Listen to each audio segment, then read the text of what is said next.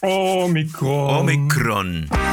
This is the TPO podcast. Omicron behoeft nog even geen paniek. Currently, there is no reason for panicking.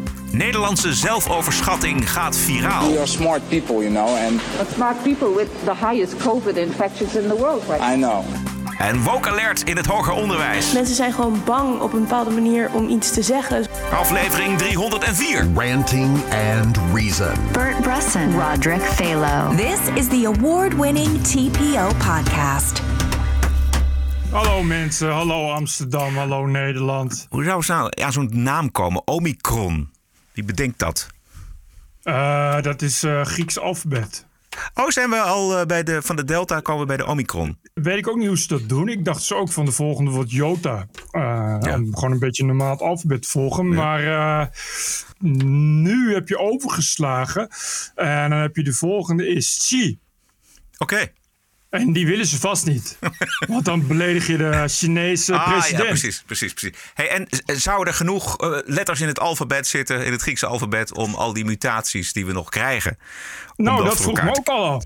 Dat is wel een beetje, een beetje het nadeel van... eh, ja, het hadden beter Chinees alfabet kunnen nemen Ja, of ja, zo. ja, ja. Heb je nog even te gaan. Het is eh, maandagavond 29 november. Pas over twee weken kan er echt iets worden gezegd over de nieuwe Omicron coronavirus variant. Tot nu toe vallen de ziekteverschijnselen mee. En de Zuid-Afrikaanse dokter die de variant ontdekt heeft, die zegt dat er nog geen reden voor paniek is. Looking at the mildness of the symptoms that we are seeing, currently there is no reason for panicking as we don't see severely ill patients. We acknowledge that it might change going forward. But the hype that's been created currently out there in the media and worldwide doesn't correlate with the clinical picture Ja, dus de hype komt niet overeen met wat we in de ziekenhuizen zien en wat de effecten zijn eh, van eh, deze variant tot nu toe. Nog niet, nee. Nog niet.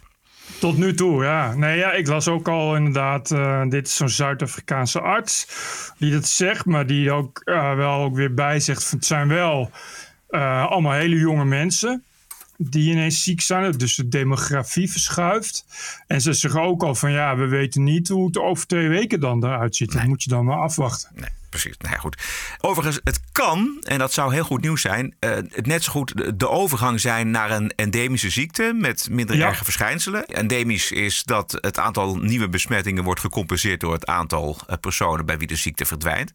En verwacht wordt dat dat uiteindelijk ook gaat gebeuren met COVID. Of dat nu al het geval is, dat is eh, nog buitengewoon onzeker. Maar als deze Omicron-variant, doordat die besmettelijker is, de Delta-variant zou gaan vervangen, maar met minder ernstige gevolgen, minder ernstige klachten, dan zou dat dus heel goed nieuws zijn. Maar goed, meer erover Ja. dus over twee weken. Maar dan moet je wel eh, erbij bedenken dat dat echt alleen gaat als je echt een hele milde klacht hebt bij iedereen. En dat is Ja. nog niet echt het geval. Wat je nu krijgt is dat je, want die, die, die hoe heet, ja, ik weet niet meer, eh, van Zelst, Roeland van Zelst, hoe heet zo- zo'n twitteraar die daar altijd al die cijfertjes heeft.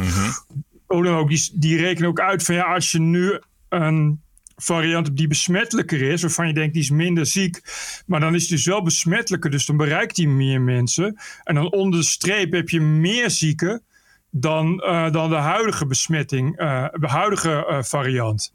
Dus je kan wel zeggen, oh, hij is, hij, is minder, hij is minder ziekmakend, maar wel besmettelijker, maar dat maakt niet uit. Maar omdat je natuurlijk ook heel veel mensen hebt die al onderliggend lijden hebben, die worden dan alsnog ziek. Dus dat kan eigenlijk alleen, is het alleen een feest op het moment dat je bent aangekomen bij een variant die ja, eigenlijk echt helemaal niks meer kan doen. Dus voor helemaal niemand meer. Nee. Dus ja, een beetje de huidige griep, alhoewel dat die natuurlijk ook elk jaar dood en verderf zaait. Maar dat is nog wel een beetje te vroeg om daarover te juichen. Ja, dat denk ik ook. Ehm, tot nu toe zijn er in Nederland 14 gevallen bekend met eh, Omicron. En, eh, zij zitten in quarantaine, minus twee. Die zijn elders eh, ondergebracht omdat ze met het virus op zak eh, de quarantaine ontsnapt waren. En Ja. ze riskeren toch wel een pittige straf, las ik. Vier jaar cel.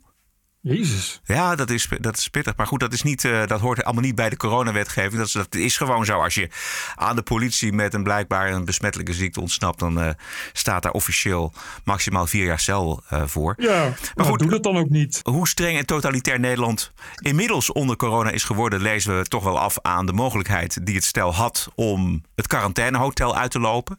Een taxi naar de Schiphol te bestellen. Een ticket naar Spanje te kopen. En door de douane heen te gaan en het vliegtuig te bereiken en daar plaats te nemen. En daar pas eigenlijk uit uh, het vliegtuig gehaald door de politie. Ja, dat is ook zoiets. Dus je moet wel in, in, in quarantaine. Maar niemand die er dan op let. Nee. Kennelijk kun je, gewoon, kun je gewoon je hotel uitlopen. ja, precies.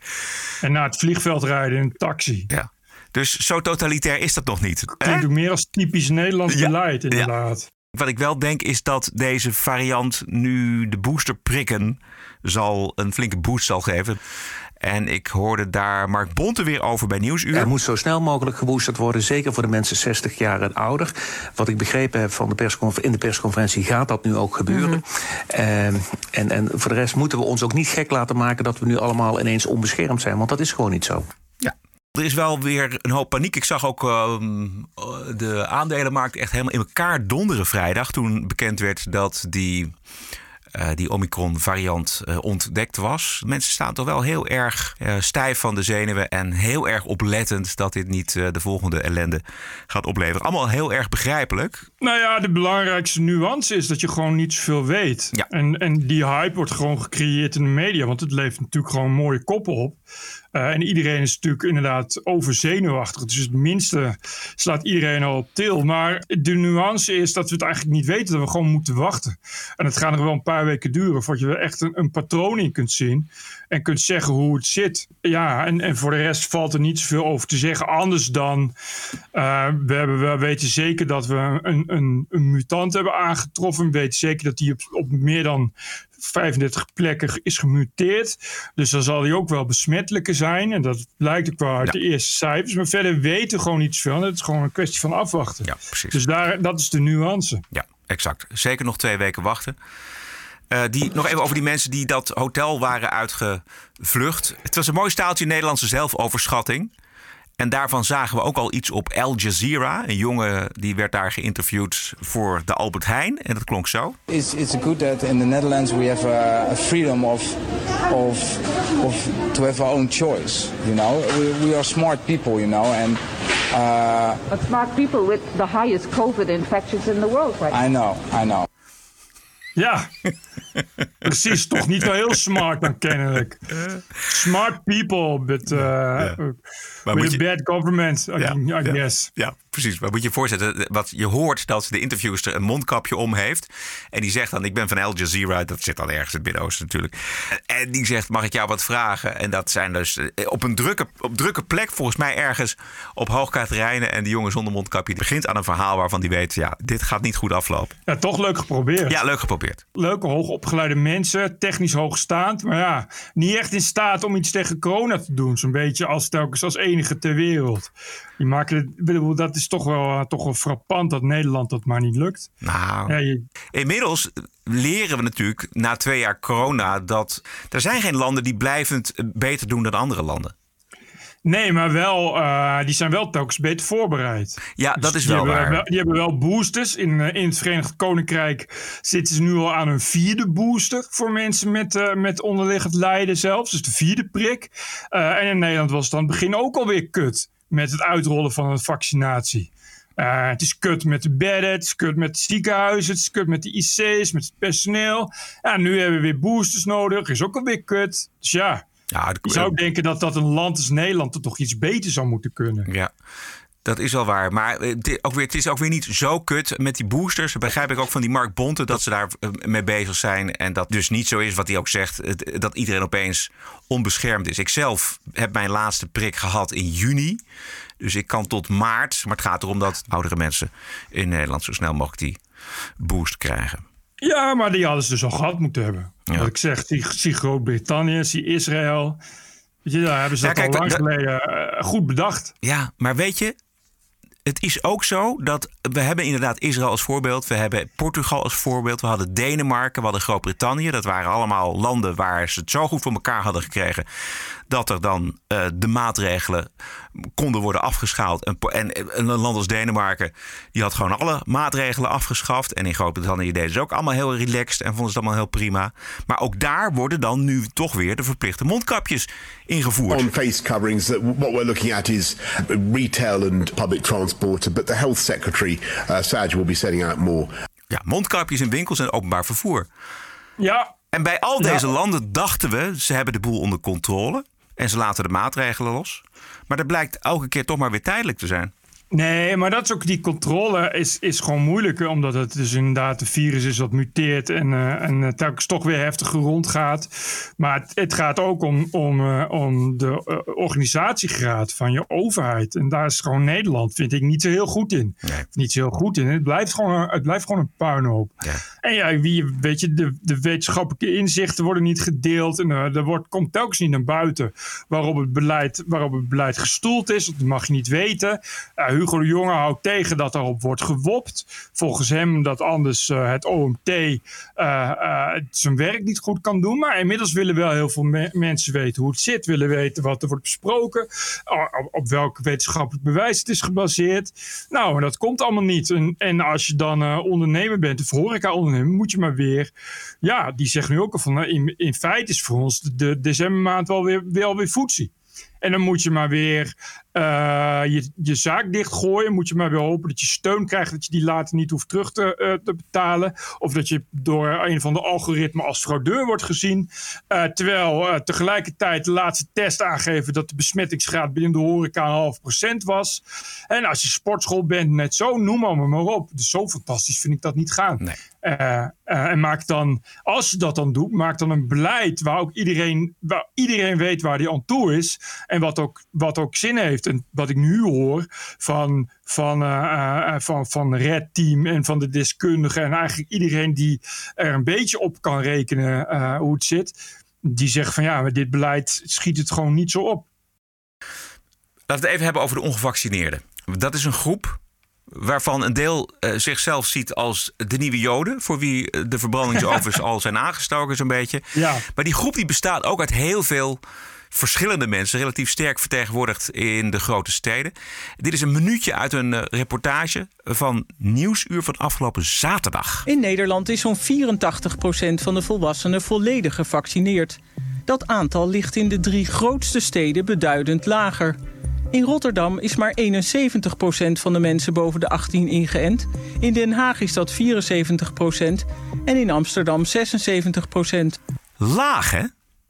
Ja, maar dat komt omdat heel veel allochtonen wonen. Ja. In de steden. En allochtonen die komen niet zelden uit hele achterlijke culturen of hangen aan achterlijk geloof aan. Waarin uh, nuttige dingen zoals vaccineren uh, gelden als haram of als uh, onbetrouwbaar. En de overheid vertrouwen ze meestal ook niet. Wat ze ook op zich nog wel, wat ik daar wel weer nog kan inkomen. dus ja, het is niet zo heel raar. Maar het heeft ook te maken met de beheersing van de Nederlandse taal. Luister maar. Een derde van de 1,2 miljoen mensen die niet geprikt zijn, heeft een migratieachtergrond. 12 komt uit christelijke gemeentes. In de moskee van de Turkse Culturele Stichting heeft corona er flink ingehakt. Veel van de moskeebezoekers hebben de ziekte doorgemaakt of hebben op de IC gelegen. Ook nu nog. Mensen spreken verschillende talen. Sommige mensen zijn gewoon ook niet in staat om te lezen. Dus daar komen brieven en social media berichten gewoon niet bij aan. En daardoor hebben we eigenlijk mond-tot-mond reclame een negatieve uh, invloed gehad over hun beslissing. Er werden geruchten gezaaid dat jongeren bijvoorbeeld uh, niet vruchtbaar zouden zijn. Ja. Dus ja. dit is deels de rekening van de mislukte multiculturele samenleving. Waar mensen Zeker. al 20, 30 jaar in Nederland wonen en geen Nederlands hebben leren lezen en spreken. Want inburgeringscursus uh, zijn ook maar dwang. Ja, of ze kunnen niet eens lezen en schrijven. Nee. En uh, het is allemaal, de, of allemaal heel veel laag, op, laag geschoold, laag opgeleid. Dus ze eten allemaal gezond, dat weet je. Ze eten nauwelijks heel veel suiker, bijvoorbeeld. Uh, ze gaan met z'n allen gezellig vaak bij elkaar zitten in de moskee, en, tijdens het slachtfeest. Dus ja, het schiet allemaal niet zo heel erg op. Uh, dan, dan, moet je dus inderdaad iets van zeggen. Dan moet je inderdaad uh, van kunnen zeggen. Misschien is een beetje zachte dwang wel een ideetje. Dat in elk geval uh, ze iets naar een volgend level worden geëmancipeerd. Zodat ze in elk geval leren dat het vaccin niet echt jongeren onvruchtbaar maakt, nee. bijvoorbeeld. En dat het handig is als je de Nederlandse taal spreekt. Als je al enige tijd hier in Nederland woont. Maar wat ik opvallend vond was. Dus dat was een goede reportage van Nieuwsuur. Maar dan zijn we dus nu al twee jaar onderweg met COVID. Ja. Het was onvoorstelbaar wat je, wat je hoort aan mensen die gewoon geen Nederlands spreken. En het ook niet lezen dus. Dus zo'n persconferentie. Uh, die, die tegen het belangrijkste gedeelte van, van de Nederlandse samenleving, namelijk de mensen die nog niet gevaccineerd zijn, ja, die boodschap komt helemaal niet aan, want die, dat verstaan ze niet. Nee, en dan, dan nog, als het, het, is ook, ze kijken het waarschijnlijk niet eens. Ze kijken via de schotel naar, uh, naar het thuisland. Ja. Uh, en, en, of ze kunnen helemaal niet lezen en schrijven. Dus ze lezen ook geen social media. Ze laten zich leiden door wat anderen zeggen. De andere in de moskee, de imam ja. of zo. Maar ja, die ja. zegt dan weer dat er uh, varkensbloed in het vaccin zegt. Het is haram.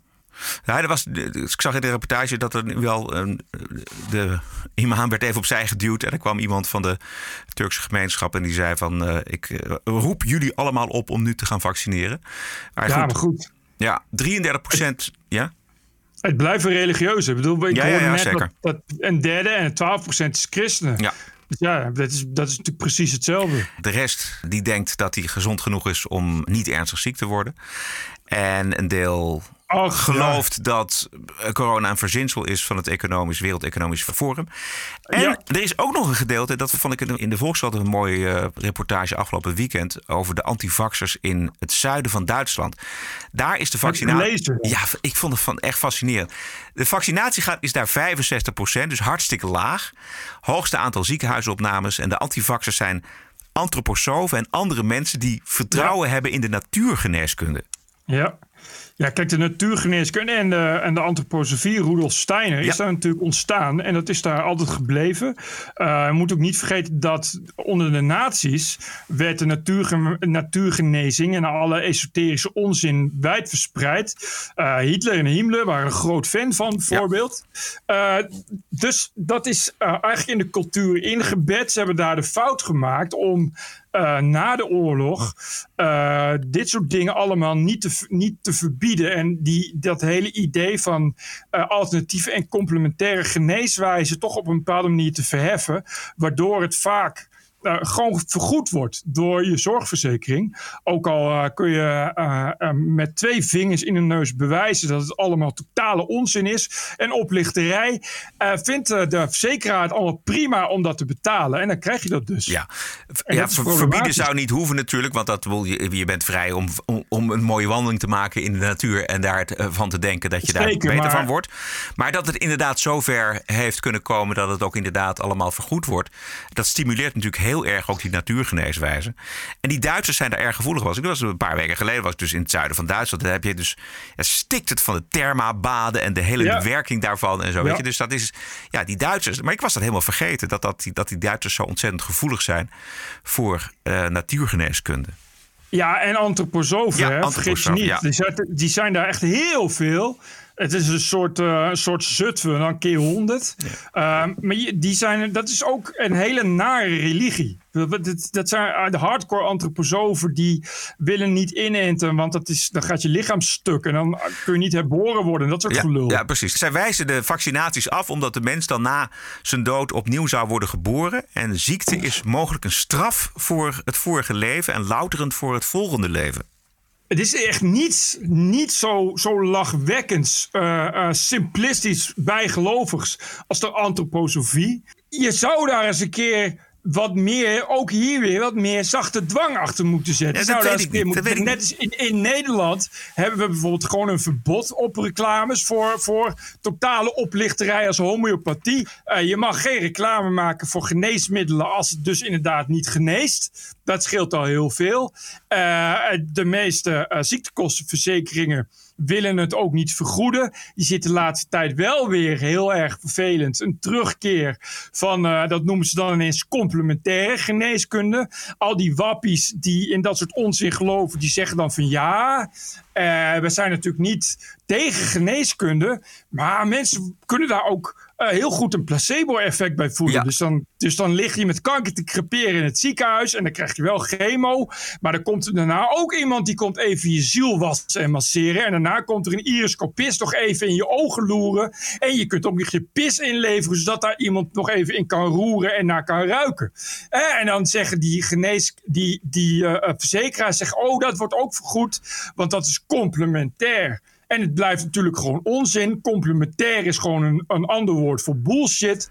Uh, maar ja, in Duitsland zijn ze kennelijk iets te vrij daarin. En dan, ja, dan gaat het mis. Ja. En daar doe je niet zoveel tegen. Er zijn daar mensen die er heel gelukkig van worden. Ook in Nederland trouwens. Dus dat zijn mensen die gaan naar de, hun kinderen naar de vrije school. En, en die hebben daar allemaal heel veel baat bij. Die vinden dat prettig. Mensen zijn blijven vrij om te geloven wat ze willen natuurlijk. En wie is Bert Brussen om, om mensen dan dat plezier te ontzeggen? Nou ja, dat, dat ja, nee. Uh, ik kan ze sowieso plezier niet zeggen. Kon ik dat maar, dan had ik dat wel gedaan. Ik bedoel, uh, het is snel afgelopen daarmee. Maar dat, dat is natuurlijk een probleem van, van vrijheid van godsdienst. Uh, en, ja. vrijheid van, ja, van, van, van levensopvatting. Ja. Maar nu wordt het dus een probleem. Want je, ook in Duitsland is het een probleem. Want met zo'n vaccinatiegraad van 65% worden er nu al mensen uit Beieren naar het noorden van het land overgevlogen omdat het veel besmettingen en te veel ziekenhuisopnames oplevert, die uh, esoterie. Dit bedoel ik dus. Dit is waarom je daar voortijdig al een rem op moet zetten. Omdat het uiteindelijk leidt tot hele grote problemen. Of die mensen moeten zeggen: ja, oké, okay, ik ben esoterisch, dus ik blijf esoterisch. Dus ik wil me ook niet, uh, ik wil ook niet op de IC terechtkomen. Ja. Ik wil gewoon in een of andere zweethut of een tipi. Uh, dat iemand even lekker uh, met een lichtwerker tegen mijn engelen komt babbelen. Dat is dan ook goed. Maar dat doen ze dan ook weer niet. Als het daarop aankomt, moeten ze ineens in de IC. Ja. Zijn, zijn er nog meer verschillende soorten mensen onder de antivaxers? Ja, ik ken er een, ik ken er een hoop hoor. Uh, nee, wat, wat, ik toch vooral zie zijn inderdaad mensen die uh, op de een of andere manier vinden dat het vaccin dat dat uh, een onbekend gif is, troep wat in je lichaam wordt gespoten. Nou, tenminste twijfel hebben ze erover. Ik sprak een, een, verple een verpleegster sprak ja? ik, uit het UMC of het, uit het AMC. Die heeft zich ook niet laten vaccineren en die zei dus tegen mij dat er ook nog doktoren waren bij het, in het AMC die, die daarover twijfelen en dat ook dan uh, wel of in ieder geval ook niet doen. Ja, nee, maar dat, dus, maar dat is ook zo'n misverstand. Kijk, daar komen wappies ook altijd mee. Die komen dan altijd met dingen aan van dit is een dokter en die zegt dat. Maar dat mensen dokter zijn, dat wil niet zeggen dat ze daar ook een hele aparte mening op na kunnen houden. Uh, er zijn bijvoorbeeld, toch als je gaat nakijken, beangstigend veel dokters die uh, gewoon arts zijn. Die hebben een artsdiploma, maar tegelijkertijd ook, ook uh, antroposofisch arts of orthomoleculair arts of homeopathisch arts complementair arts. Dus uh, dat, kijk, dat je arts bent hoeft natuurlijk niet, te, niet per se te betekenen dat je ook uh, uh, normaal go- altijd even goed logisch nadenkt. Nee. En gewoon van een normale werkelijkheid houdt. bovendien, kijk. Het heeft volgens mij, dat is mijn gedachte, heel erg te maken met het feit dat het, dat het met een prik is. Ik denk echt, als je het met een spray of een pil doet, dat het dan ineens heel veel, heel veel angst wegneemt. Oh ja? Waarom denk je dat? Ja, dat is, nou, omdat het, uh, is natuurlijk, het is natuurlijk altijd iets... Uh, als kind ben je ook natuurlijk altijd bang voor na. Het is natuurlijk altijd een soort raar invasief iets. Ja, het gaat in je lichaam. In je lichaam, hè? Dus, dus het is echt ook echt, echt uh, letterlijk iemand van buiten die iets door je, ja. door je, door je huid heen ja. drukt, in je lichaam spuit. En dat is toch een soort oerangst, waarvan je dan ineens. Ik, dat denk ik echt. Ik denk omdat uh, het zijn echt zoveel medicijnen die uh, dezelfde mensen die tegen, tegen vaccineren zijn, die slikken af en toe dingen dat je denkt van nou, als je bang bent voor vaccineren, dan ja. zou, ik, uh, zou ik vooral ophouden met, met elke dag 16 ibuprofen slikken. Maar ik weet niet. Maar, weet je, dus, maar daar hebben die mensen allemaal totaal geen moeite mee. Ja, of, of, of, ze zijn antivaxer, maar ze gaan wel elk weekend feesten en alcohol drinken en pilletjes slikken. ja, weet je, dus dat het heeft heel erg te maken met, met dat, met, met prikken. En dat zie je ook eigenlijk wel in de geschiedenis van, van het, van het, van, van het antivax en dus van het vaccin. En eigenlijk op het moment dat het vaccin bestond, uh, was die reactie er ook. En natuurlijk ook dat het vanuit de overheid wordt opgelegd. Als de overheid het oplegt, kan het natuurlijk niet goed zijn. Ja.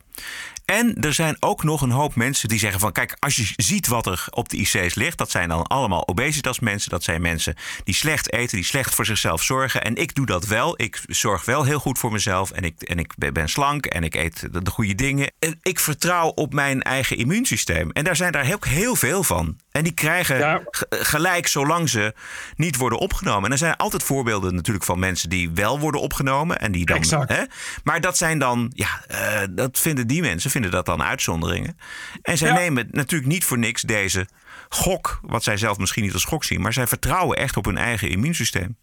Ja, nee, maar wat je, wat je ziet is dat ze zeggen, ja, we, we weten dat, ze dan ook, dat het wel, wel eens gebeurt. Hè? Dat wel gezonde mensen, dat die toch heel ziek worden. Maar ja, dat is dan uh, een klein risico. Ja. Wat dus een zo'n kleine gok is. Uh, de kans dat je staatsloterij wint is ongeveer even groot. Weet je, dat idee. Ja. Dus ja, dan kun je, dat ook wel, kun je dat ook wel leiden. Maar ja, dat is natuurlijk, dat is natuurlijk uh, het blijft natuurlijk een roulette. Het is maar net dat je dus denkt, ja, wil je die gok nemen? Je zult dus maar net degene zijn die ja, die dat doet. En dat, die verhalen lees je dus. Mensen die inderdaad niet vaccineren omdat ze uh, altijd heel gezond zijn en toch ineens, ineens extreem ziek worden. Mhm. En die het, die het overleven en die dan zeggen van oh, ik had toen toch wel spijt dat ik niet was gevaccineerd. Ja, dat is waar. Uh, maar er is wel een verschil misschien als je kijkt naar wat er aan hoge BMI's de, in de ziekenhuisbedden en de IC's ligt. Maar goed, dat is wel. Dus er is, uh, nou, wat ik maar wil zeggen is, er, er is misschien iets te zeggen als je gezond bent, dat je je niet laat vaccineren. Als je daar uh, bezwaren tegen hebt die misschien niet religieus zijn, maar wel denkt van nou, het is me allemaal te experimenteel.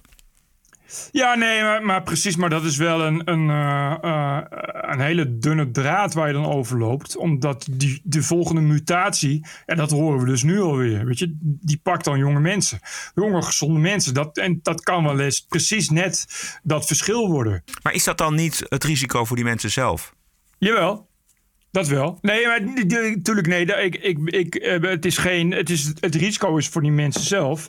Maar ik, ik zeg dan van ja, waarom, waarom zou je dat risico nemen? Dat vaccin is gewoon veilig. En dat is geen, ja, maar die mensen uh, zeggen, en, en, wij vinden het vaccin niet veilig. Wij, wij, wij twijfelen daar. Ja, maar, nou ja, ik, waar ik heen wil eigenlijk is, als je puur kijkt naar de druk op, het, op de zorg. En je zegt, nou, we hebben eigenlijk alleen maar mensen, echt dikke mensen die niet ja. gevaccineerd zijn. Die komen bij ons op de afdeling. En ongezonde moet, mensen. Ongezonde mensen. mensen. Moet je dan niet... Oudere mensen. Precies. Zou je dan niet, het gaat ook heel ver. Je gaat dan ook heel erg ingrijpen in mensen hun leven. Maar zou je niet, als je, als je de, de mensen zou willen verplichten tot vaccinatie, zou je niet gewoon eerst die mensen moeten aanwijzen en zeggen: Oké, als je echt te dik bent, dan moet je uh, je vaccineren. Want het levert ons te veel druk ja. op de zorg op. Dat vind ik wel. Ik, dan moet, ik vind dat je dan moet zeggen: uh, iedereen vanaf 60 jaar. Uh, en, en sowieso iedereen met, een, iedereen met een overgewicht, met een BMI van, van uh, pak een beetje... 25, boven de 27 zeg maar, ja. Boven, zeg maar 27 of meer. Die, dat is, daar beginnen we mee met verplicht vaccineren. Ja. Ja. ja. En die zijn makkelijk te herkennen, dat is ook een voordeel. Ja. Dus je kan gewoon de, de, de straat op met een, met een pijltjesgeweer. Ja. Uh, ja ik kom heel veel mensen toch tegen die niet gevaccineerd zijn. Ik vind het fascinerend, want ik heb er geen enkel probleem mee. Nou, ik, ja, ik weet van ja, helemaal nul. Dus ik, ik ben dan toch benieuwd van hoe dat leeft in die, in die, in die hoofden van mensen. En ik, ik hoor heel veel hetzelfde verhaal. En nou, denk, wat, ik, ja. wat ik fascinerend vind is, is uh, ja, de, de enorme angst dus ervoor. Wat ik zeg, dat bij andere medicijnen hebben ze dat niet. En hier wel. En hier de spookverhalen. Terwijl het is echt, ja, de kans dat het op lange termijn uh, slecht uitpakt is echt bijzonder klein. Ja, dat zeg jij, maar, maar dat, dat, dat weten we dus niet. Nee, ja, maar, maar de, waarom? Ja, omdat het, omdat het uiteindelijk een vaccin is wat gewoon reageert op je immuunsysteem. Dus we weten een beetje hoe, hoe het kan, weet je. En dat is echt, uh, de, de, de data zijn vrij helder en de vooruitzichten zijn vrij helder. En uh, dit, is, dit is juist heel weinig spannends aan een vaccin. Het is, blijft gewoon een vaccin wat we al 200 jaar doen. Maar, er zijn, uh, maar als er dan artsen zijn bij het AMC die zeggen van nee, ik, ik voel me gezond, ik vind het een te groot risico, ik hoef het niet, ik neem het niet. En dat zijn mensen die dag in dag uit in de gezondheidszorg werken, in de reguliere gezondheidszorg. En Ja, zeggen, maar ja. Zeggen, nou, ik, ik, mijn keuze is, ik doe het niet. En die vinden dat dus blijkbaar niet nodig. Of die twijfelen. Ja, maar dat is heel raar. Ja, ik, maar het is, het is echt heel raar om dan te twijfelen. Het is helemaal geen, het is helemaal geen, eh, geen enkele aanwijzing waarom, dat, waarom, waarom je daaraan zou moeten twijfelen. maar, waar- Dat- maar, maar waarom zou je dat beter weten dan, dan een arts? Nee, ja, nee, ik weet het niet beter dan die arts. Die arts weet dat ook, maar toch twijfelt hij. Dat is wat anders. Ja. Het, het is dus een, het is dus een gevoel, een emotie. Dat is dus waar het om gaat. Ja, dat denk ik Is- ook. Dat, dat is, die arts weet dat ook. Die kan, niet, Ja. die kan niet zeggen van. Die kan ook niet zeggen van. Oh ja, maar in de toekomst dit. Of, Nee, nee. of, of dit, zus en zo is gevaarlijk. Nee, ja, dat is geen. Er is helemaal niets wat, daar, wat daarop duidt. Waarom dat, waarom dat zo zou zijn. Ja. Dus het, dat, eh, maar dat, dan nog, je kan wel arts en je kan ook piloot zijn en toch niet in een vliegtuig durven stappen. Weet je, omdat je, tenzij je zelf vliegt. Ja. Maar als je dan in de cabine zit, zeg je ja, ik, ik vind het doodeng, want ik heb die niet de controle. Ja, exact, ja, Eh, ja. En, en, en dat is natuurlijk waar het over gaat. De angst voor controleverlies. Ja, dat is een goede vergelijking, denk ik. Ehm, hadden we nog meer hierover? Nee, Nee, hè? niet, niet, niet dat ik weet. Oké, goed zo. Is de Wokweek, natuurlijk de berichten uit de open inrichting. Maar eerst haal meer uit je luisterplezier met waarderen en doneren aan de TPO-podcast. Gewoon doen. TPO Podcast. De TPO-podcast wordt je twee keer per week aangeboden. Zonder betaalmuur, op eigen kracht doen we dat. En het kan alleen via jouw donatie. Ranting and Reason. En wil je naast je financiële ondersteuning ook nog iets anders aan ons kwijt? Schrijf dat naar info.tpo.nl. Bert, hebben we post gekregen? Yes! Vier. Daniel met een anonieme achternaam. Hierbij een donatie van een van de vele luisteraars uit Jakarta, Indonesië. Kijk eens. Via jullie krijg ik een unieke en vaak komische kijk op de ontwikkelingen- ontwikkelingen in Nederland. Dank hiervoor. Zoals Roderick aangeeft, luisteren als je ervoor betaalt voelt toch beter. Ik lag mij vooral kapot om de vaak absurde items in de Wookweek. Dit blijft mij in Indonesië gelukkig grotendeels bespaard. Eh, ga zo door en ik hoop nog vele jaren van jullie te kunnen genieten. Warme groeten uit de tropen, Daniel. Daniel zegt dus, eh, een van de vele luisteraars in Indonesië. We hebben wel eens gezegd, en dat heb jij volgens mij eens een keer eh, Ja. bekeken. Dat wij inderdaad hoog scoren met de podcast in de podcast top 100 van Indonesië. Geen Ja, idee misschien gewoon toch veel Nederlanders die dan, eh, die dan iets zoeken om, om over Nederland te luisteren. Ja, misschien wel. ja. Jasper van Dijk. Na jubileumaflevering 300 was het weer tijd voor een donatie. Ik ben nu gelijk maar maandelijks donateur geworden, zodat ik het ook niet meer vergeten kan.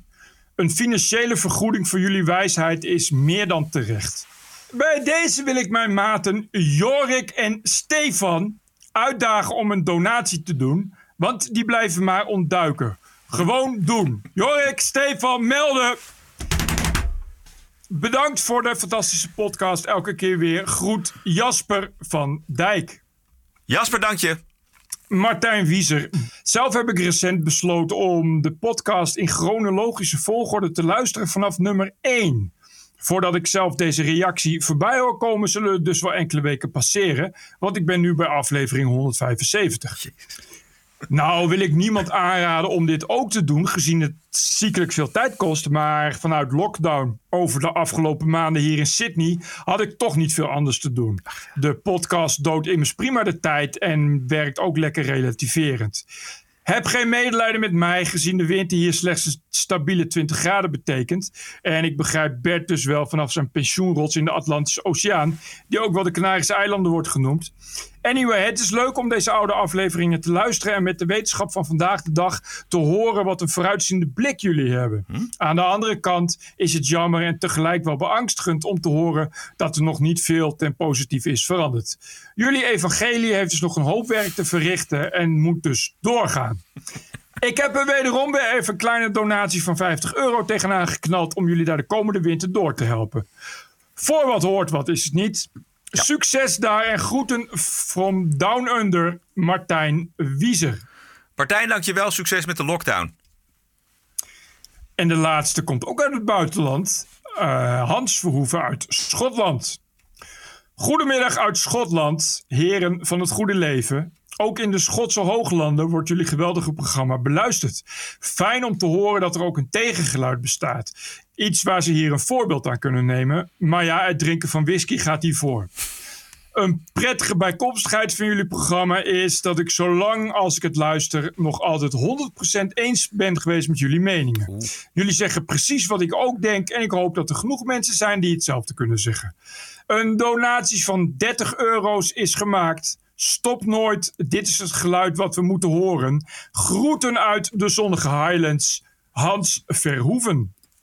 Dankjewel Hans voor alle complimenten. En dit waren ze. De TPO-podcast zit niet achter een betaalmuur. Hij is vrij verkrijgbaar, twee keer per week. Maar hij wordt niet kosteloos gemaakt. Er gaat tijd, liefde en noeste arbeid in. Dat geeft de podcast waarde. Hoeveel waarde? Dat bepaal jij. Een biertje in de kroeg kost je zeker 3 euro. Een tosti daar 5 euro. Een maandje Netflix is al 14 euro. Wat is de TPO-podcast je waard? Ga naar tpopodcast.nl en doneer. Keep the show running. Want wat geen waarde heeft, is geen blijvertje. Dus ga naar tpopodcast.nl en doneer. En dan zeggen wij... Thank you. I was offended and I have rights. TPO Podcast. You're an adult. Grow up. Deal with it. I don't care. care.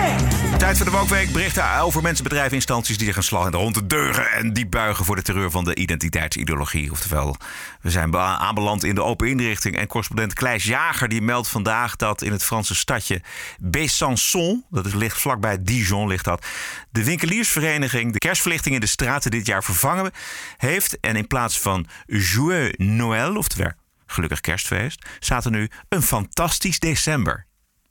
Oh, het is, het is dus feestverlichting geworden. Precies. En u begrijpt natuurlijk waarom. Omdat het kerstfeest islamofobie is. Omdat de Ja. moslims buiten het kerstfeest worden gehouden. Dus je kunt maar beter december neutraal zijn. En zover. Want, ook- December neutraal. Ja, het hoort natuurlijk een eh, seizoensfeest te zijn. Of een winterfeest. Maar kerst is natuurlijk eh, vrij kwetsend hè, voor al die moslims. Precies. Eh, Het is hartstikke belangrijk dat je december neutraal bent. Want dan sta je namelijk aan de goede kant van de geschiedenis. En zo kom je misschien wel zowel in de christelijke hemel als in die van de islam. het is sowieso in de deughemel. Ja, in de deughemel, precies. Ja, ik weet eigenlijk niet ja. Want Hoe zou dat zijn aan de- meestal ook niet. Ja, aan- aan- hoe zou dat zijn om aan de goede kant van de geschiedenis te staan? Dat is dus voor ons is dat de overkant. Maar hoe zou dat zijn? Heb jij daar een beeld van? Nou, dat lijkt me heel, heel irritant. Dat je voor eeuwig ook zit opgeschreven met Frans Timmermans. Eh, en, eh, en Greta Thunberg en zo. En dat je dan eh, alles dan heel laf, liefelijk. En iedereen doet alleen maar aardig. En, dat, en dat dan voor eeuwig. Kun je voor, kun je voorstellen, voor eeuwig. Ja. Dus je, dat je ook, je mag dan nooit meer grappen maken. Nooit meer cynisme, niks. Gewoon, En dan voor eeuwig dat. Voor eeuwig het brood moet breken met Frans Timmermans. Elke dag weer. Ja. Maar- En dat het gewoon nooit meer stopt. En dat je bij iedereen steeds moet vragen welke voornaamwoorden hij wil gebruiken. Ja, Voortdurend, dit, de hele tijd. dit. En dat je, dus, dat je dus geen grapjes mag maken. Dat je de hele tijd denkt, ik ga een grapje maken en dan komt er niks. Omdat je dat gewoon niet kan, automatisch niet. Dat je denkt van, oh mijn god, ik moet nu voor eeuwig. En het is gewoon geen uitzicht. En dan kan ik nooit meer en nooit meer een harde grap maken. Nee, en nooit meer Voor kerst. Eeuwig moet ik braaf doen. Ja, nooit meer En Pasen. lief doen. Vreselijk. En betrokken. En, en verbindend. En, en, eh, en, eh, en, en, en inclusief. En, en, eh, en dat, ik dan, eh, dat, je dan, dat je dan voor eeuwig aan mensen moet vragen: hoe was jouw weekend? hoe was jouw weekend? Ja, dus dan maar eh, aan de verkeerde kant van de geschiedenis. Nou, dat lijkt me in elk geval iets te beleven. Als het toch voor eeuwig is lang hoor. Dat, Daar moeten die deugers maar eens over nadenken. Het is ook zo grappig, dat, dat, dat realiseer ik me nu, dat degene die dat bedacht heeft, aan de goede kant van de geschiedenis staan, dat er maar twee keuzes zijn. Of je staat aan de verkeerde of aan de goede kant. Er Ja, zijn, terwijl je, er zullen toch ook wel mensen zijn die daar tussen vallen. ja, precies. Je kunt ook. eh, Twijfelaars. En waarom, staan, en waarom niet, zijn er niet meer kanten aan de geschiedenis? Dus het, waarom nou is het weer zo zwart-wit? Maar goed. Nee, inderdaad. En wanneer is daar dan? Want wa- wanneer is het, is, is het zover dat je aan, de, aan die kant dat je de geschiedenis in kanten kunt opdelen? Juist. Weet je, er is altijd wel, wel iets, iets voor te zeggen dat je dat zegt. Nou, je kan dat nu misschien nog iets langer. Of nee, dat kan wel, had eigenlijk al gemoeten, iets korter. Maar daar kun je altijd weer, hè, daar kun je altijd weer over, over soebatten. Maar dan is het ook, je kan zeggen, oh, vanavond om 12 uur Maar dan hangt het weer vanaf welke tijdzone je woont. Precies. Want 12 uur voor jou, ja, dat is dan uh, voor mensen die ergens anders wonen nog lang geen 12 uur. Maar als je nou kijkt bijvoorbeeld op een mooie een nacht naar de hemel en je ziet het heelal, dat is toch, dat is toch niet tweedimensionaal? Dat is toch niet of het ene kant of de andere kant? Er zitten toch duizenden, miljoenen kanten aan de geschiedenis? Ja, Nee, ja, dat, dat, dat bedoel, je kan toch niet. Uh, dus je goede, je goede kant en de slechte kant van nee. de geschiedenis. Ja. Nou, dan ben je nou klaar met, met bestuderen. Maar wat zijn er voor bekrompen mensen die dat uh, op die manier de geschiedenis indelen? Aan de goede nou, of ja. aan de slechte kant? Kijk, het zegt wel wat over hunzelf. Zij kunnen dan zeggen: Nou, ik sta tenminste aan de goede kant van de geschiedenis. Ja, precies. Ja. Ik ben een hele leven durfde ik niet met het vliegtuig, want ik had vliegschaamte. Daar baal je dan heel erg van. Want je hebt allemaal leuke dingen die je wel had willen doen. Heb je niet gedaan of met de trein. Maar dat was natuurlijk kut, want het is een trein. Uh, en dan uiteindelijk op je sterfbed denk je... Ja, dat was eigenlijk wel kut. Maar nou, ik sta in elk geval aan de goede kant van de geschiedenis. Vreselijk. Waar in Europa het kerstfeest eraan moet... zo moet in Amerika uh, het ook maar eens een keer afgelopen zijn... met dat feestelijk gedoe rondom Thanksgiving... De NOS-website die had daar een heel lang stuk over. In Amerika vieren namelijk de Europeanen die Groot-Brittannië ontvlucht waren 400 jaar geleden voor het eerst Thanksgiving. En uh, de inheemse bevolking, die de pelgrims uit Europa welkom heten, die waren niet eens uitgenodigd voor dat eerste oogstfeest, staat er op de website van de NOS. Wat voor de rest van Amerika een nationale feestdag is, is voor de inheemse stammen een nationale dag van rouw. Ik vond echt, ik, dat was een artikel van Marieke, Marieke de Vries, ja. die vroeger uh, gewoon binnenland deed, volgens mij. Uh, ik, die heeft kennelijk uh, ofwel uit zichzelf ofwel de opdracht gekregen. Ik denk het laatste. Om eens even een leuk woke artikel te, te bedenken. Een leuke insteek waarmee een verder leuk feest. Wat Amerikanen al jaren, al heel lang vieren. En met z'n allen allemaal heel leuk vinden. Om dat eens even goed te verzuren en te vergiftigen. Ja, te hey, ja. ze had iemand gevonden. Iemand van een onuitspreekbare stam die diep gekwetst is met Thanksgiving. Dus er zijn 350 miljoen Amerikanen die elk jaar Thanksgiving vieren. En er is één mevrouw van een onuitspreekbare Indianenstam. En die is gekwetst. Nou, dat treft, want de NOS gaat er dan wel eens even mooi bovenop zitten. Wat zou goed zijn als andere mensen horen dat er een mevrouw is van een hele uh, lang geleden uitgestorven dankzij de blanke westelingen, ik kan het ook, ik kan het ook niet helpen, uitgestorven indianenstam die nu nog elke keer baalt. En daarom eigenlijk wil dat alle 350 miljoen Amerikanen ophouden met Thanksgiving vieren. Ja. We moeten niet gaan ontkennen of bagatelliseren hoe de Europeanen daar hebben huisgehouden bij de verovering van Amerika. Maar dat wordt ook breed uitgemeten en breed erkend. Maar om daar nou dan weer een Amerikaanse feestdag voor uit te kiezen bedoeld om de kalkoen een vieze bijsmaak te geven. Ja, ja en maar daar ook een artikel over schrijven hè, van 1500 woorden. Ja. Zonder dat je denkt van, misschien komt er nu iemand aan het woord die dan zegt van, nou, de Amerikaanse Piet Emmer, die dan zegt van, nou, er zitten nog wat haken en ogen ja. aan, ja. aan hoe de Thanksgiving is ontstaan. Verschillende kanten. Gewoon iemand die, gewoon een ondernemer, een middenstander die zegt, nou, dankzij Thanksgiving kan ik rondkomen elk jaar, ik noem maar wat geks. Nee, nee, nee, nee, nee, het is gewoon een één lang grote jammerverhaal. Ja over hoe verschrikkelijk, hoe verschrikkelijk de genocide-terreur van Thanksgiving vieren eigenlijk is. De kalkoen zal binnenkort ook wel worden verboden ergens in Amerika. Het woord kalkoen ook, hè? Ja. dat is 1492. Dat zal, uh, ja, ja, zit wel aan te komen inderdaad. Kalkoen, dat zal, dus alle, dan heb je natuurlijk, uh, er zijn natuurlijk wel uh, sportclubs. Die heten dan de Running Turkeys en dat soort dingen. Dat mag dan ook niet meer. Die moeten dan ook weer hun naam veranderen. Gebeuren ook leuke dingen. In Canada is de vrouw die leiding gaf aan een gezondheidsinstituut voor de oorspronkelijke bevolking, de Indianen, zoals wij een tijdje geleden zouden zeggen, op staande voet ontslagen. Zij is op staande voet ontslagen omdat ze gelogen heeft over haar afkomst. Deze mevrouw deed zich namelijk voor als een oorspronkelijke bewoner van Amerika, maar blijkt af te stammen van immigranten uit Rusland, Polen en Tsjechoslowakije. Ja, en hoe weten ze dat? Dat heeft de Canadese publieke omroep heeft dat uh, allemaal nageplozen. Goh, die, dat, je, je kan het dus kennelijk niet zien. Dat, dus nee. in wezen maakt het niet uit. Want het is niet echt nee, dat nee, je zegt van... Uh... Die mevrouw die had zich dus opgeworpen als woordvoerder van die Canadese indianen. En zij ging ook gekleed in traditionele kleding. En ze heeft lang zwart haar. dus ze lijkt er wel op, maar ze is het niet. Ja. En zo klinkt ze. I'm Bear Clan. I'm an Anishinaabe Métis from Treaty 4 territory, and I want to acknowledge the territory that I'm in, Treaty 6 territory, um, home to the Cree peoples and uh, uh, homeland of the Métis Nation. I also want to acknowledge my ancestors who are clearly here with me. Ja, allemaal gelogen. Goh, man. Het is, eh, dat is toch ook... Ja. Dat gebeurt telkens. Dat was in Amerika toch ook. Zo'n vrouw eh, Ja, die zwart was, maar die bleek eh, blank te zijn. Oh ja, Rachel Dola, Dolezal. Ja. Dat, een blanke vrouw die claimde dat ze zwart was.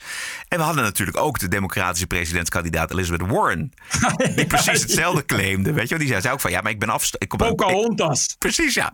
En Trump die zei toen van, nou, ik, je krijgt een miljoen dollar... als je kunt bewijzen dat je inderdaad van de Indianen afstamt. En klopt er geen zak van.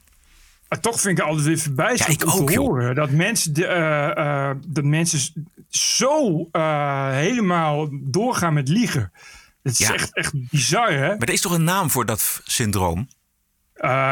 Pseudologica fantastica. Ja, ik- nee, dat, dat was dat die Tara Singh Pharma. Ja, het Tara Big Pharma syndroom.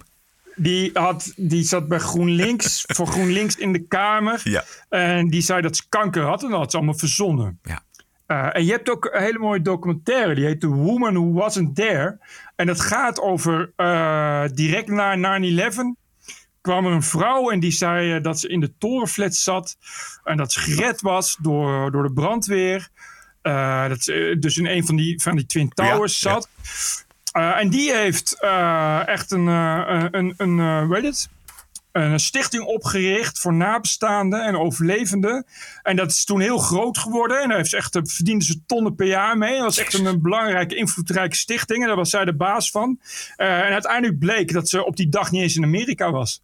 Ah. Die, zat- die zat eh, op de dag, op, op, op 11 september 2001, eh, bleek dat ze in Spanje in een, eh, in een, in een klaslokaal Spaans had te leren. Ja. Dus die had het van A tot Z verzonnen. En dat, maar daar echt helemaal ja, groot geworden. Dat was echt het gezicht geworden van, van de 9-11 Foundation. Precies, nou, daar, dingen. zit, daar zit dus een, een, eh, een, zeg maar een eigen belang achter. Heel duidelijk bij deze laatste. Maar dat zit ook bij die mevrouw uit Canada. Die dan zich opwerpt als voorzitter van een of andere vereniging. Die is ook, was ook echt helemaal in aanzien. En die had daar een, verdiende daar een flinke boterham. Ja.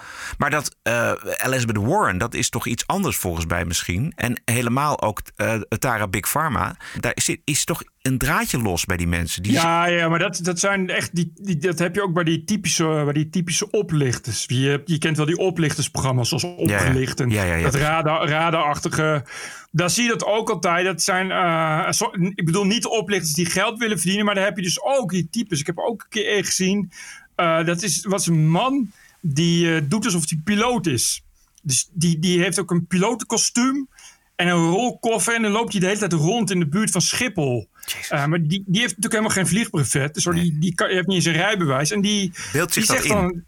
Nee, ja, ja, dat het is heel raar. Die, die, en die, ja, die maakte dan wel ook slachtoffers. Omdat die, maar goed, die zei dan gewoon tegen iedereen. Die, iedereen dacht ook dat hij piloot was. Want hij ging gewoon eh, soms de hele tijd weg. En dan, als je hem dan sprak, dan wist hij natuurlijk veel van. Dus zei hij, nee, ik vlieg op een 747. En dan kon hij natuurlijk allemaal dingen. En ja, Ja. die mensen heb je. Dat is echt heel raar. En, ehm, en ik denk niet, ja, ik denk bij dit soort mensen ook. Het begint natuurlijk niet het eigen belang. Dit, deze Nee. mevrouw die, die je net noemt, dat is natuurlijk niet. Je weet van tevoren niet dat je daar geld mee kunt verdienen. En, en het is ik echt dat die mensen, ja, dat, wat je zegt, die geloven daar echt in. Die voelen zichzelf echt. Ja, dat. Ja, en als je je daar zelf in gelooft, dan kom je ook heel erg overtuigend over, weet je wel. Dat is, je moet dus eerst in Mhm, jezelf geloven mhm. dat je dat bent, afstammeling van de Indianen. En dan op een gegeven moment gaan mensen het geloven. Maar ik vind het moeilijk altijd dat het dat natuurlijk niet te achterhalen is. Want ja, je kunt moeilijk iedereen in twijfel trekken. Ja, precies. Omdat, omdat je ook denkt, zeker bij zoiets als, als, als Sig Pharma. Ja, als iemand zegt, ja, ik heb kanker. Ja. Ja. Ja. Wat, moet je dan, wat moet je dan zeggen? Ja, Ja. bewijs maar. Bewijs maar. Ja, Precies. is ook zoiets. Mensen gaan van het goede uit. En ja, je kunt dat niet. Ja, tuurlijk. Dus ik vind het wel knap dat het, dat het dan Ja. uiteindelijk toch boven water komt. Ja. Dus hier ook, de publieke omroep. En bij dat 9-11 was ook uiteindelijk, ik geloof Washington Post of New York Times. Iemand die dan toch een tip krijgt. En na drie jaar, na drie jaar speur dat toch voor elkaar kan breien. Ja. Maar het is wel, het is wel echt, echt iets wat gebeurt. Ja. Het is niet een... eh, het komt gewoon voor. Ja. Sommige mensen hebben echt een, een totaal bij elkaar gefantaseerd leven al. Ja. ja. Paar afleveringen terug hebben we het uitgebreid uh, gehad over het antiracisme handboek van de lobbyorganisatie Meer Kleur in de Media. En jij stuurde mij een link van nu.nl uh, die niet wil achterblijven met een interview met de schrijfster van dit handboek. En ik vind het toch wel even aardig om een paar van die antiracistische tips te noemen, die in nu.nl zijn afgedrukt. Wees kritisch op de media die je tot je neemt. Ga op zoek naar media-items, podcast, films, boeken, tijdschriften, online artikelen en Instagram en TikTok-accounts van mensen die je tot nu toe veel te weinig hebt gehoord. Nou, daar, Heel goed. Dat, dus, daar horen wij bij, volgens mij, Bert. Blanke mannen dus. Ja. oh nee, nee. Ja, en nu dit is zo mooi. Koop boeken en volg trainingen en cursussen van zwarte ondernemers. Huur zwarte experts in. Besteed je geld aan black-owned businesses en steun stichtingen en goede doelen die worden gerund door zwarte mensen. Dit is onvoorstelbaar racisme. En het is ook nog eens een keer in, het eigen belang, want die organisatie Meer Kleur in de Media, die, die verzorgt al die cursussen en die brengt al die boeken uit. Precies, klopt. En dat, en dat staat dus gewoon zo. Dit is een infomercial. Gratis publiciteit. Die, uh, wie is dat? Robin D'Angelo, toch? Ja. Die, dat Miljonair. Toch, uh, ja, wou niet zeggen, die is voor de rest van zijn leven ja. binnen. Uh, zij. Of, of, uit zij, sorry. Ja. I, ja. I assume the gender. Ja. Nee, die is voor de rest van het leven binnen. En dan hoef je alleen maar, je hoeft eigenlijk in feite alleen maar te zeggen, het is allemaal de schuld van de blanken. En dat op te schrijven. En als jij de eerste mee bent, hoppakee. Ja. ja. ja maar die, die blanken, die voelen zich toch allemaal schuldig. Dat is Precies. mooi. Dat is mooi leegtrekken. Juist. Die hebben toch allemaal geld, hoppakee. En die gaan allemaal die, die handboeken kopen en daar lezen ze dan in. En die hebben ze dan gewoon natuurlijk gewoon op de tafel of in de, in de boekenkast. Dan kun je dat laten zien. Want het is natuurlijk heerlijk om te laten zien dat je ermee bezig Precies. bent. Nog meer handboeken. Geweldig ook hoe een uh, samenleving richting krijgt met al die handboeken. Om uh, uiteindelijk uit te komen natuurlijk Bert bij de goede kant van de geschiedenis. Dat begrijp ja. Uh, grote infomercial ook in de Volkskrant afgelopen zaterdag van een queer koppel dat uh, zoveel vragen krijgt over hun queer relatie dat ze besloten hebben om al hun antwoorden te bundelen in een handboek. Ja, ik, ik, heb, echt, ik heb alleen de foto en de lied gelezen. En toen kon ik ja, al niet nee, meer. Het was heel moeilijk lezen, inderdaad. Het gaat... Ik dacht, dit is toch niet... Nee, ja, zelfs voor de Volkskrant dacht ik, dit gaat wel wel echt een stapje te ver nu. Ja, maar het waren, twee, mooi, het waren twee bekende mensen. Het was een acteur waar ik nog nooit van gehoord had. Thorn de Vries. En er was een presentator waar ik ook nog nooit van gehoord had. Mandy Woel, Woelkens. Mandy Woelkens. Ik had er ook nooit van gehoord. En het, een van de grappige... Het is echt vreselijk. De, zij wilden dan ook kinderen. Dus een van de twee wordt dan zwanger. En het grote probleem is... Uh, moet Thorn zich door het kind dan wel papa of mama laten noemen? Ja. Dat was dan het grote probleem. Nou, honger, Ja. overstromingen, klimaatverandering en een pandemie... die verbleken bij dit probleem van Thorn en Mandy. En goed dat de Volkskrant dit allemaal Juist. brengt. Het is echt, eh, ja. Eh, dit, maar ik, ja, ik kom er ook niet, ik kom er echt niet meer door overheen of doorheen. Nee, Dus als je dit nee. leest, denk ik, dit, Ja. dit geloof je toch niet? Nee, het is moeilijk, heel moeilijk lezen. Eerst eh, als ik zo'n lied lees, denk ik van, wie wil dit weten? Serieus. Waarom, zou ik daar, waarom zou ik daar in godsnaam in geïnteresseerd zijn? Ja. Je, als, hoezo is dat... Ja, eh, leuk dat je transgender bent en weet ik veel. Maar alsof er, is het dan anders of zo? Is het dan leuk om te lezen aan je, je oppervlakkige, nuffige huistuin- en keuken eh, eh, pijntjes? Flik het ik, weet je, het zijn ook echt van, van die mensen die dan bekend zijn. En ik van bekend, volgens mij kent niemand ze. Maar die zijn dan bekend omdat ze dan eh, transgender zijn. Dus binnen, binnen het hardcore uh, volkskrantcircuit kennen ze, kennen ze die mensen wel. Nou Ja, ze hebben verder niks, niks te vertellen. Alleen het is dan ineens leuk omdat het transgenders zijn. Het lijkt wel aapjes kijken of zo. Voor zover ik het, dat is het één, maar voor zover ik het heb gelezen, ging het ook alleen maar over problemen. Hè? Dus ik noem net zo'n Ja. probleem over. Er moeten problemen zijn, want anders heb je geen recht van spreken en anders ben je geen slachtoffer en anders krijg je geen aandacht van de media. Want daar gaat het namelijk om. Nee, maar, en, maar dan lees je het probleem en is dus dat. Nou, Ja. ik weet niet of ik eh, Mappie of Pammy moet worden Ja. genoemd. Nou, gutte, gutte, gutte, gut. Ja. Jongen, jongen, jongen. Het, eh, zijn maar wel eh, de problemen. Het zijn echt, echt, echt de krant waard. Dat mag inderdaad in de krant. Goeie hemel. Dat de Volkskrant daar dan naar, gewoon voor uitrukt en daar gewoon pagina's in zo'n weekendbijlage Ja, afdrukt. maar, goed, het is toch die, die elke keer, jongen, in het weekend. Het is toch een verdrietige aangelegenheid. Het is toch niet, is toch elke keer echt dat je, denkt van, maar welk, welk mistig universum ben ik ineens terechtgekomen? Heb ik, ik heb, gemist dat ik, uh, dat ik kennelijk een scheidslijn uh, ben overgestoken tussen mij en de Twilight Zone. En nou, elk weekend weer. De goede kant van de geschiedenis sta je dan opeens. Ja, dat zijn wij nou, niet gewend. Dat, uh, dat is voor ons heel vervelend, Bert. Die goede kant van de geschiedenis. Ja, ja, goed, maar, dat is, dit is, maar het erg is dat mensen dit dus graag lezen. Weet je, dat is, dat is de verschrikkelijke conclusie. Ja. Ik heb nog eentje. Ja? Uh, Universiteit van Leiden. Daar uh, ging het vrijdag over uh, de academische vrijheid. Belangrijk onderwerp. Karel Stolker van de universiteit hield daar een Klevinga-lezing. Het was een middag met nogal wat vragen, ook uit collegebanken. Zo, dus het was heel erg interactief. Maar wat bleek was dat de woke-terreur zelfs de Universiteit van Leiden in zijn greep heeft. Dit is een student tegen stalker. Het is alleen dat ik heel erg merk in mijn eigen uh, lessen dat ja, mensen zijn gewoon bang op een bepaalde manier om iets te zeggen. Ja. Als, want stel je voor, het komt respectloos over of ja. iets. Dat, dat merk ik heel erg dat dat wel een verschil is to, uh, met een paar jaar geleden uh, hoe dat nu is. Ja, en, en ik denk dat je daar gelijk in hebt. En dat, dat, daar hebben ook een aantal rectoren de afgelopen tijd ook wel op gewezen. Kijk, als we natuurlijk allemaal op eieren gaan lopen... moet ik nou slaaf of tot slaaf gemaakt... moet ik nou wit of blank zeggen? Nou, we kunnen een heleboel, heleboel woorden... En als we op eieren gaan lopen, dan kunnen we ook meer niet... Dan, dan kunnen we dat gesprek en dat debat ook bijna niet voeren. Op het moment dat je bang wordt om woorden te gebruiken... dat je je verspreekt, dan is het niet goed. En ja, en ik zou zeggen, dan is het aan de docent... Um, om, om daar ja, in te grijpen is een groot woord, maar om het daar, dat te agenderen en met elkaar over te praten. Ja, het lijkt alsof hij zelf hier op eieren aan het lopen is. Hij had het ook over, ja, we moeten al rekening houden met verschillende culturen en voorzichtig met elkaar omgaan. Maar ja, ik vind het al heel wat. Ik bedoel, met, met wat hij nu zegt, zal hij al wel, ook wel weer gecanceld worden. Dus uh, ja? Wat, wat, wat, ja, maar meer, meer dan dit kan hij niet, denk ik. Hij moet daar toch als, als rector uh, een beetje rekening mee houden. Dat is dus het probleem. Ja, hij, is natuurlijk, hij zit natuurlijk zelf ook uh, in, de, in de cancel fuik. En hij moet natuurlijk zelf ook op eieren lopen. Want ja, dat, dat krijg je als je rector bent. Je kan gewoon niet zomaar alles zeggen. Ja. ja. En, hij, en hij weet natuurlijk dat er, dat er een hoop uh, docenten zijn die daar heel anders over denken. Ja, die wilden niet tegen in het harnas jagen. Ja. Om nog maar te zwijgen over de minister. Straks krijgt hij minder subsidie. er schijnt ook een fitty gaande te zijn tussen um, Wim Voermans en Paul Cliteur. Dit is uh, Stolker, daarover, een kort stukje. Professor Voermans bepleit aangifte tegen Baudet... in verband met zijn vergelijking van Joden in de oorlog met ongevaccineerden nu. Professor Cliteur begint een tirade over de hypocrisie van linkse partijen... die daarover klagen en gaan tribunalen op. En over de tribunale opmerking... gaan zij hun academische vrijheden niet ver te buiten.